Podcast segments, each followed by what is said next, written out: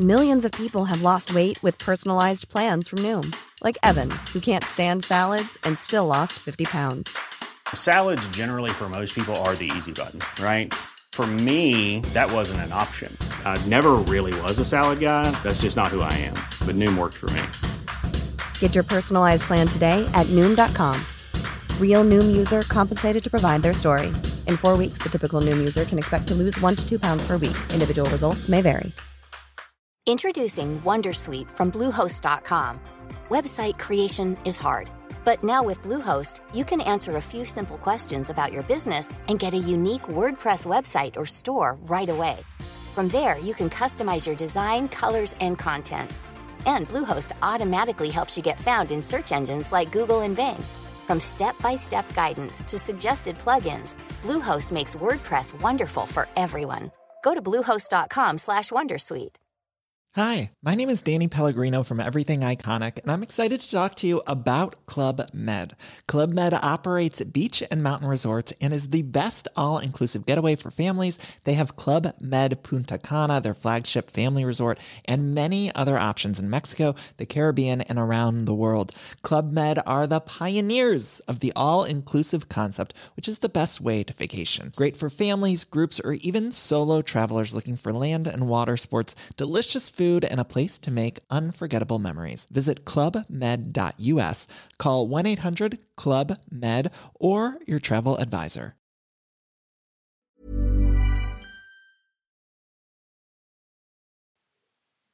Hej och välkomna till Bolagsanalyspodden. Ett nytt avsnitt idag med eh, förhoppningsvis bättre ljud då jag har trixat och fixat lite med micken. Eh, först vill jag bara säga att klipps det jag låter lite konstigt ibland så är det för jag är hemma med ett sjukt barn som jag faktiskt spelar in denna podden under tiden hon sover så det kan vara att jag kan behöva springa upp och stoppa om henne med jämna mellanrum om det klipps dåligt. Idag ska jag köra Soltech Energy ett eh, compoundbolag inom eh, solceller. Mycket intressant bolag. De har alltid pratat om framtiden för sig men det har inte riktigt lyft. Eh, ska försöka ta reda på hur det kan se ut framåt för dem. Eh, vi kör igång! Soltech Energy.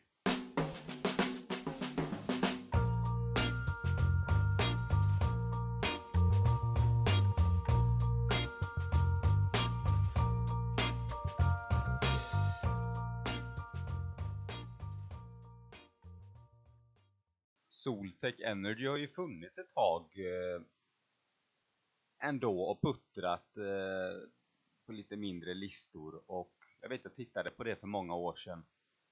Då hade de sitt kinesiska dotterbolag och sedan hade de typ en VVS-firma som stod för omsättningen i Sverige. Eh, sen bytte de VD från Tillander till den nuvarande de har nu och han inledde den här, de var faktiskt väldigt tidiga på compounding, alltså att slå ihop massa, köpa upp massa svenska solcellsbolag och även breddade det till takbolag etc. för att få en hel alltså att du ska kunna ta helhetskontrakt på ett annat sätt. Så att nu har du ju solfasadbolag, du har solbolag, du har solelteknikbolag, exempelvis laddar och sånt där. Och takbolag. Så att du, en fastighetsägare kan liksom ta in dig eller dem, så gör de allt från ax till limpa. Tidigare så var det att du först kanske du bytte tak och så fick du prata med ett solcellsbolag som skulle montera det. Eh, men de har liksom tagit hela den kedjan, varit tidiga på det, vilket de ska ha all cred för och också gjort ett par billiga köp tidigare. Um, nu börjar de gå upp, nu är det ju många som, nu är det som Klondike höll jag på att säga, nu ska ju alla gräva guld inom den här eh, solbranschen, speciellt med priserna som är nu. Men de i alla fall, jag kan gå igenom lite bolag de har köpt, jag har även tittat på de här bolagen enskilt och alla är lönsamma bolag. De flesta i alla fall. Eh, dock på en annan marknad än vad det är nu kanske, utan detta är ju 2021 års siffror jag tittade på, där gick, där gick alla med vinst. Från någon miljon till några miljoner. Så de köper ju inte skräpbolag i det avseendet. Eh, de har bland annat sett, eller köpt eh, Meazon, 365 Zon, Sud Renewables, eh, NP-gruppen, Taporama, Takrekond, Provector, Rams El, NEAB-gruppen. Där var det ju själva de sa att det var ett litet turnaround på det där. De köpte det för noll kronor. Fick skjuta till massa miljoner och så fick det väl då bära eller brista. Eh, man kan väl säga ganska enkelt att det brast rätt rejält. De fick skriva ner en hel del värden nu i Q3 och de brände sig så pass att de har sagt att de tänker inte göra något liknande förvärv igen. Mm. De har eh, Falu plåtslageri, Takab, Wettergrens tak, Ljungs Sedum. Mm. Så att de breddar det här, till och med Ljungs Sedum exempelvis, det är ju tak där du har växter och sånt på. Du kan ha stenar och så växter, eh, sådana här gamla tak. Jag tror ni har säkert sett dem ibland. Så du kan göra takparker och sen kan du sätta solpaneler på de här taken också. Det är jättebra för eh, miljön och biologisk mångfald etc. Så det är ju ett, ett bolag i tiden. Eh, sen har du väl också, köpte väl något laddbolag i Mobility för ett tag sedan. Också för att liksom kunna bredda sin affär och bredda erbjudandet till nya segment och kunna ta just det här helhetskonceptet. Idag står solbolagen, alltså sådana här klassiska solcellsbolag kan man säga, för 51% av omsättningen. Solfasadbolag där du kanske vill ha solceller på fasaden, typ parkeringshus. Det är 7% av omsättningen.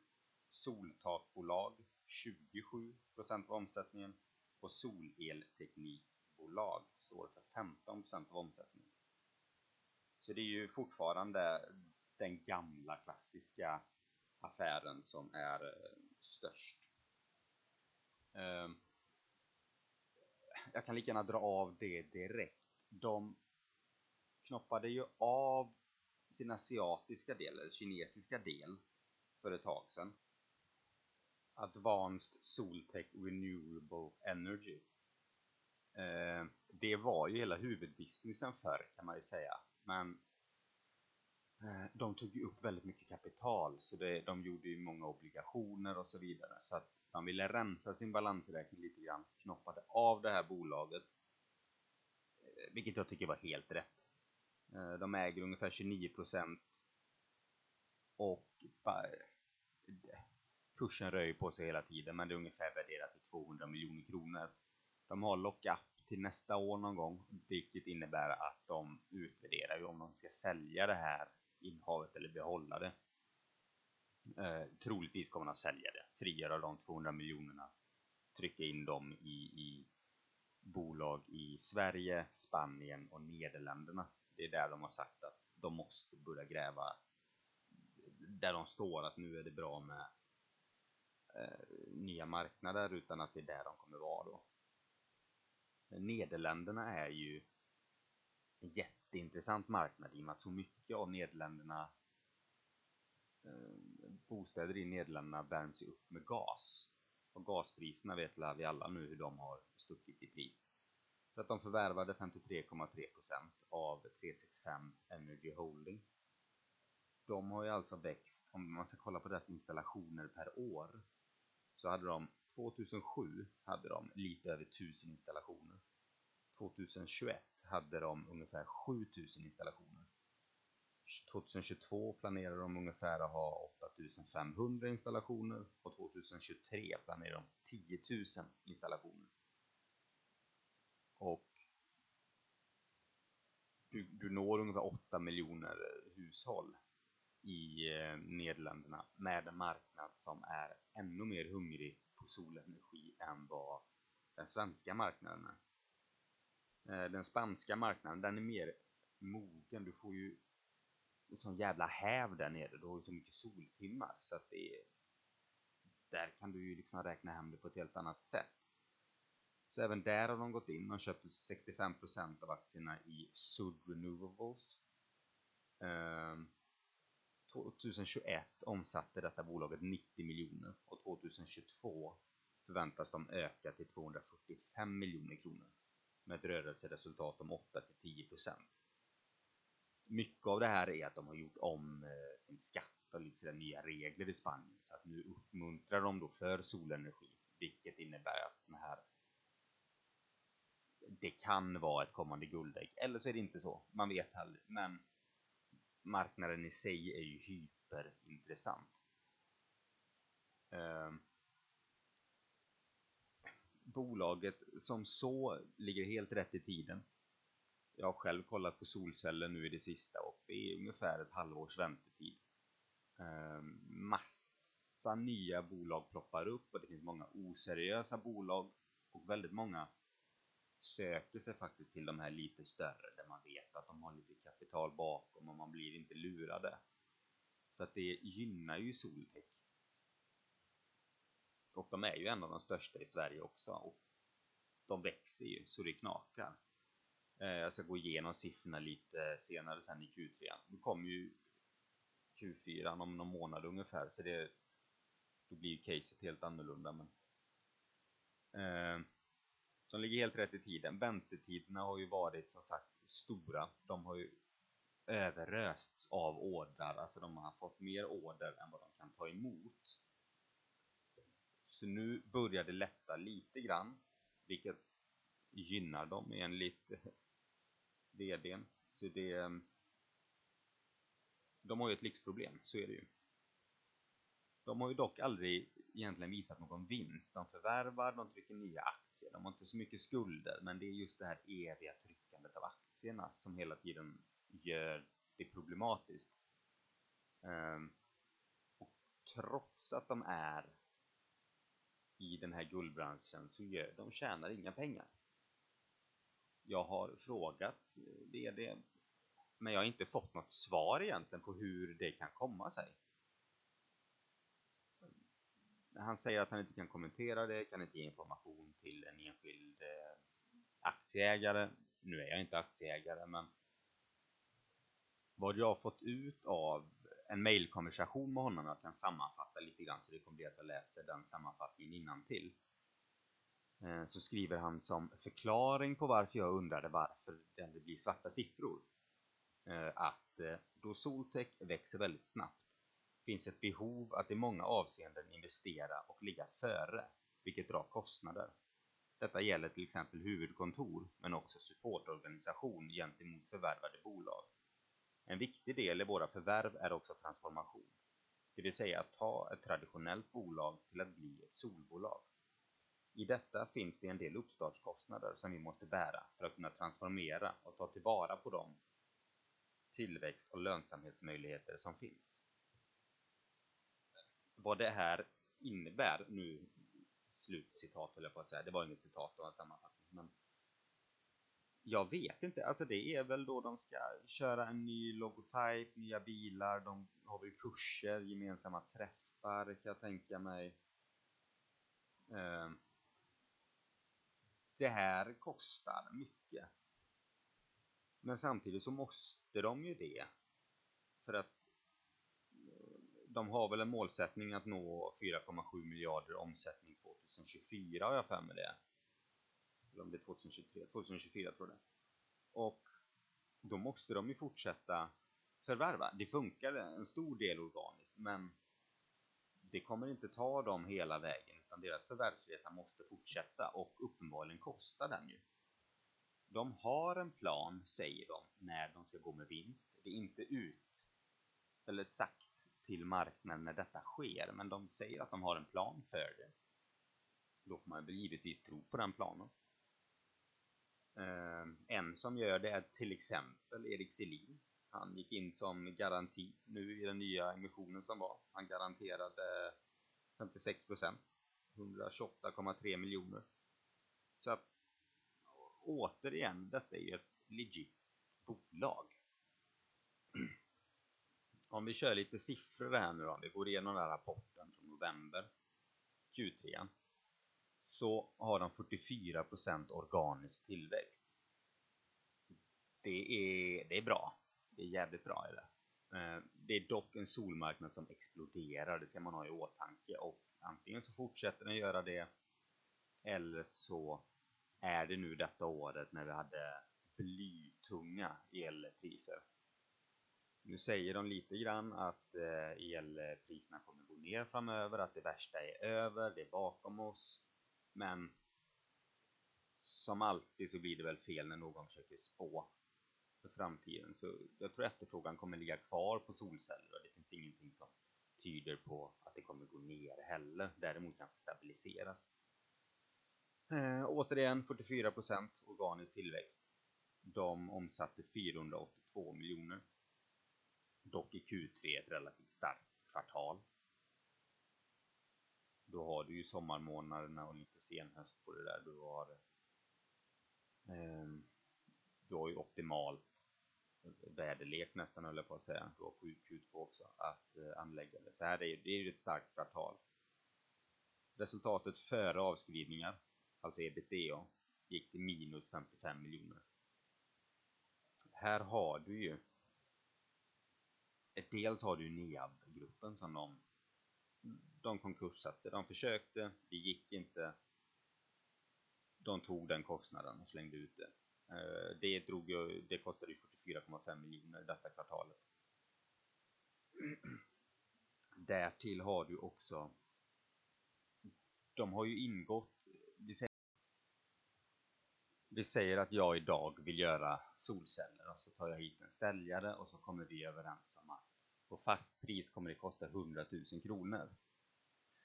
Säljarna räknar på att ja, men då vi kommer få 10% marginal exempelvis. Sen går det ett halvår, för det är väntetiden och när det är dags att montera detta på mitt tak så har priserna gått upp. De köper in för att kanske gått upp med 15%. Så helt plötsligt går de back på mitt projekt.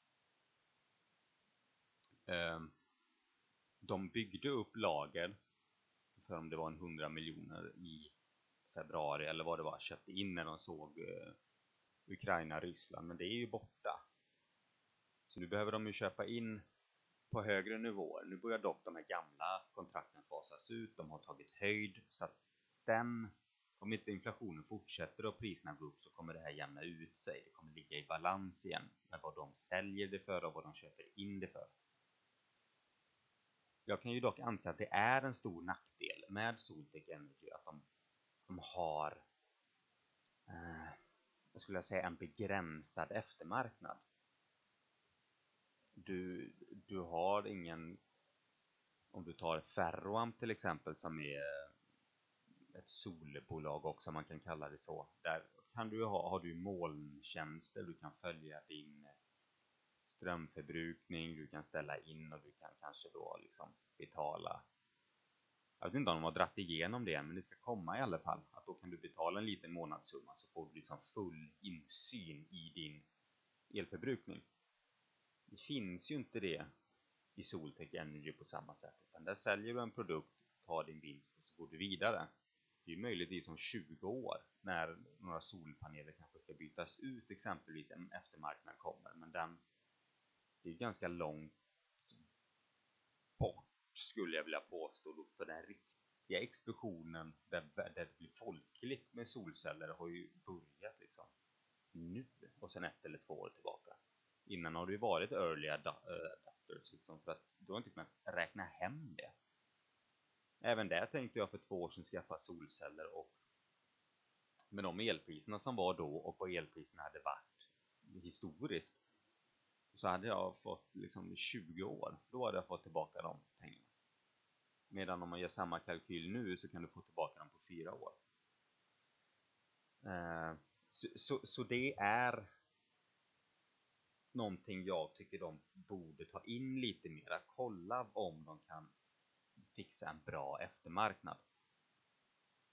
Men som sagt, NEAB drog ner resultatet rejält, även att de satt fast i avtal där de gick back.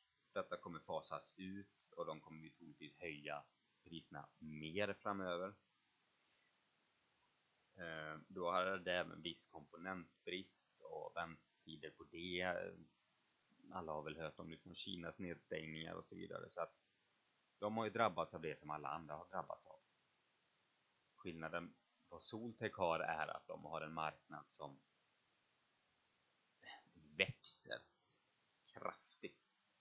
Och det är det som stör mig, har alltid gjort det, att de fortfarande går med förlust. Eh, jag köper att de vill växa, jag gör det. Men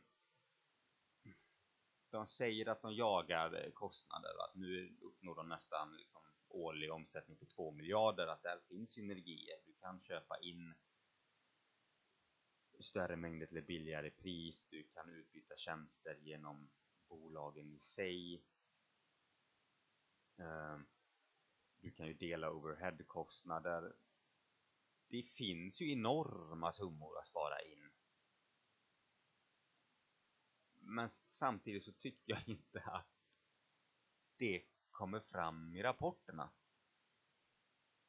Jag kanske är, är dum, jag vet inte. Jag kanske bara inte förstår grejen. Men är det någon gång de ska tjäna pengar så är det väl nu. Detta kvartalet kan jag köpa när de drog den här stora kostnaden för NEAB och du har, sitter fast i andra avtal. Liksom. Så, så är det ibland. Men de borde definitivt i så fall börja visa vinst i Q2 och Q3 nästa år. De borde ha visat vinst något år tillbaka också för att gå in och titta på bolagen. Nästan vilket bolag ni än tittar på som de har förvärvat. Det kan ni göra på allabolag.se. Så söker ni upp. De går med plus. Men så hamnar de i Soltech Energy och alla de här små bolagen som går med plus lyckas ändå inte driva koncernen till ett plusresultat. Och det är det här jag inte riktigt får ihop. Så antingen är ju deras förvärvsavdelning så fruktansvärt kostnadsintensiv att eh, ja, men att det väger upp för att de, det äter upp vinsterna de bolagen har förvärvat. Det tar deras förvärvsavdelning och äter upp istället och så ligger vinsterna väldigt långt fram när de helt plötsligt får för sig nu lugnar vi ner. Nu förvärvar vi inte mer. Nu liksom hittar vi värdena i de här bolagen jag kan tycka att de borde göra det nu, om jag ska vara helt ärlig. De vill fortsätta springa, det accepterar jag. Det. Man kan välja den vägen också. Eh, förhoppningsvis vet ju de detta betydligt bättre än mig, eller än jag. Så det är väl säkert rätt beslut. Men det rinner pengar ur det här bolaget och det kommer nyemission på nyemission. De förvärvar bolag, lönsamma bolag och ändå går koncernen back. Eh, jag ska inte raljera mer om den, men ta, ta med er den. Fundera en, ett varv på det där. Ni kanske vet svaret, hör gärna av er då. Jag, eh, jag har inte svaret. Jag, jag har funderat mycket på det där. Jag får som sagt inget riktigt svar heller. Om vi tittar närmare på deras resultaträkning här, om vi tar koncern, på koncernnivå i Q3 2022, så omsätter de då 480 miljoner. Det är en stor summa de har övriga rörelseintäkter på 2,5 miljoner. Sen kommer då råvaror, förnödenheter och handelsvaror. Ja, det är ju solcellerna. Om vi ska förklara det enkelt. Solcellerna, det är skruvar, det är allt det de säljer. Det går på 360 miljoner. Den här summan kommer ju gå ner framöver. Alternativt stanna kvar eller gå upp, men då kommer nettoomsättningen öka i och med att här är ju då de här dyra de här fasta kontrakten de ingått att där de har gått in med en kund till ett fast pris så de har inte kunnat ta de har gått back på det helt enkelt du har övriga externa kostnader på 50 miljoner här antar jag att det är att de åker på mässor, det är reklam, det är det är väl troligtvis de ska göra om alla bilar under samma logga de köper in nya fordon ganska mastig post, 50 miljoner ändå. Du har personalkostnader på 121 miljoner. Personal behövs ju. Det går ju liksom inte att trolla upp solcellerna. Så att det här är ju en kostnadspost som kommer växa framöver hela tiden. Svårt att göra någonting åt. Eh, jag vet inte om lönerna är lägre i Spanien och Nederländerna kontra vad de kan få in om man kan expandera mer där för att få mer bang for the buck på omsättningen så att säga. Du har avskrivningar och nedskrivningar på 29 miljoner. Ehm. Du har resultat från andelar i intresseföretag på 4,5 miljoner. Där har du ju den kinesiska delen man knoppar av troligtvis. Så rörelseresultatet hamnar alltså på 85 miljoner back. Jag får inte ihop det här. Om du förvärvar lönsamma bolag när de hamnar i koncernen så går de 85 miljoner back. Vad är det som kostar? Tar du bort 45 miljoner då har du NEAB. Då har du 40 miljoner kvar och så tar du bort lite annat än med dåliga kontrakt och etc. etc. Det, det finns att jobba på. Så är det. Uh, jag blir själv in i det här caset. Jag tittar på det många gånger. Jag tror till och med jag ägt i omgångar också. Men det är så svårt att räkna på. De har exempelvis en goodwill på 878 miljoner. Det är alltså värden som egentligen inte finns än. Det är värden som du tror ska komma. Det är... Eh, det är här det finns en stor risk för nedskrivningar. Om du köper ett bolag till exempel som du planerar, köper dem till en viss multipel och så utvecklas inte bolaget som det var tänkt. Då är det härifrån goodwillposten du kommer få skriva ner det och ta bort det. Om du har köpt ett bolag för 100 miljoner och så inser du att det här är konkurs. Ja, då får du skriva av det med 100 miljoner, så går du 100 miljoner back. Så att de har en stor goodwillpost. De har ett varulager på 200 miljoner. Hell, det är väl rimligt. Alltså, har du för mycket då binder du för mycket, men det är det är många frågetecken här faktiskt. Eh, de måste få ordning på torpet. Sluta göra nyemissionerna hela tiden. I alla fall om det är här för att hålla bolaget i, i drift. Är det till förvärv så köper jag det. Men när de gör det bara för att de ska liksom kunna hålla företaget rullande då är det någonting som är inte som det ska där i. Um, men i övrigt, det är en stekhet bransch.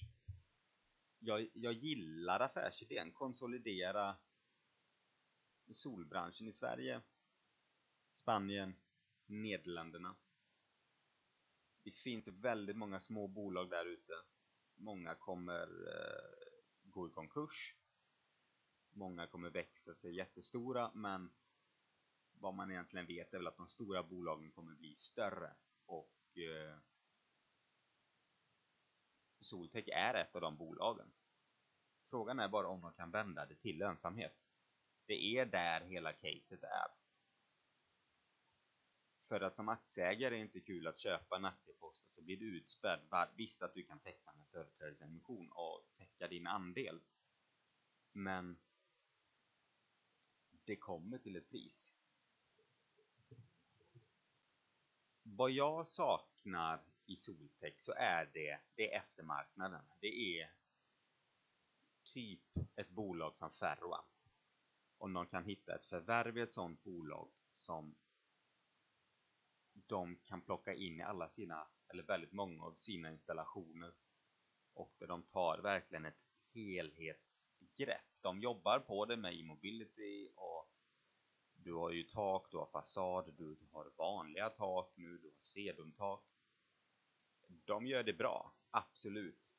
Men det är just den här återkommande repetitiva intäkterna som gör att du, du kommer ifrån det här känsligare läget med eh, med att du måste binda massa kapital i lager, du måste ha en massa personal för att få någon omsättning. Alltså någonting som kan ligga bara och takta på hela tiden, hela, hela, hela tiden.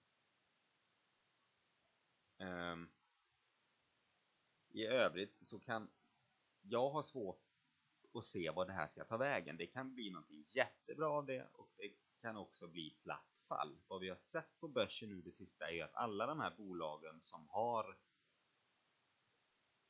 konsoliderat marknad eller compoundat den, eller compoundingbolag som de kallas, de har gått ner. Det är vissa av de här gamla klassikerna som tuffat på i alla år. Typ Nibe då, men Nibe har ju gått ner också. Men det finns ju de som lyckas, men väldigt många nu har ju, de har ju kraschat på börsen. Soltech är inget undantag. Men branschen är stekhet. Om man ska dra en referens till solen. Stek. Det är enorm efterfrågan. Det går i tider där många fastighetsbolag, när de bygger nya hus, så är det med solceller från scratch. Du har privatmarknaden som vill komma ifrån och bli mer självständiga som skaffar solceller. Du har, har, kommer du nu ha några år med högre elpriser så kommer det vara jättelätt för en privat eh, person att kunna räkna hem den affären. Vilket gör att orderböckerna kommer vara smockfulla för de här bolagen i många år. Det ställer mig, som jag har raljerat långt och länge över, som ni säkert är superirriterade för att det bara låter som jag säger bla bla bla. Men det som jag inte får ihop, det är lönsamheten. Jag vet, de vet ju säkert det, vad det är som kostar. Kan de vända på den switchen, då kan det här bli någonting jättefint att behålla på sikt. Men de måste hitta någon form av lönsamhet i det. För att nu känns det som att de slår ihop, de köper bolag, slår ihop dem, tar in nya pengar, köper mer bolag, slår ihop dem. Men du har liksom ingen, det finns ingen hållbarhet där känns det som. Eh, det var lite mjuka fakta och hårda fakta. Det var lite siffror från deras Q3-rapport. Det var lite en liten introduktion till bolaget för de som inte vet om det sedan tidigare. Eh, och sen en eh, ja, att jag satt och raljerade fritt där mina tankar om och min erfarenhet om bolaget. Klipptes det dåligt eller det känns lite hackigt ibland så är det för att min tös som ligger i barnvagn några meter bort från mig fått en hostattack så jag har varit tvungen att sätta i nappen och vaggat om. Jag ber jättemycket om ursäkt för det, men jag ville få ut det här avsnittet så tidigt som möjligt för jag tycker bolaget är superintressant. Och jag har det under lupp hela tiden. Um, hoppas ni gillar det i alla fall, kan ta med någonting gott utav det.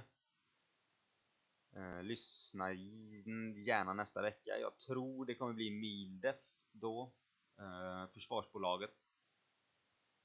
Som också nu är inne i en glödhet marknad med eventuellt NATO-inträde och försvarsbudgetar som skruvas upp och men hoppas ni gillar det så ses vi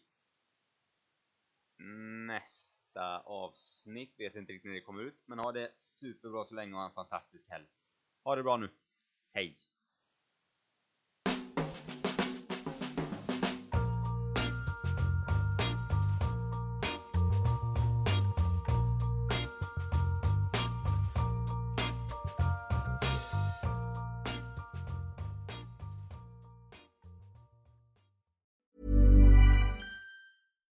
Hi, this is Bachelor Clues from Game of Roses, of course, and I want to talk about Club Med.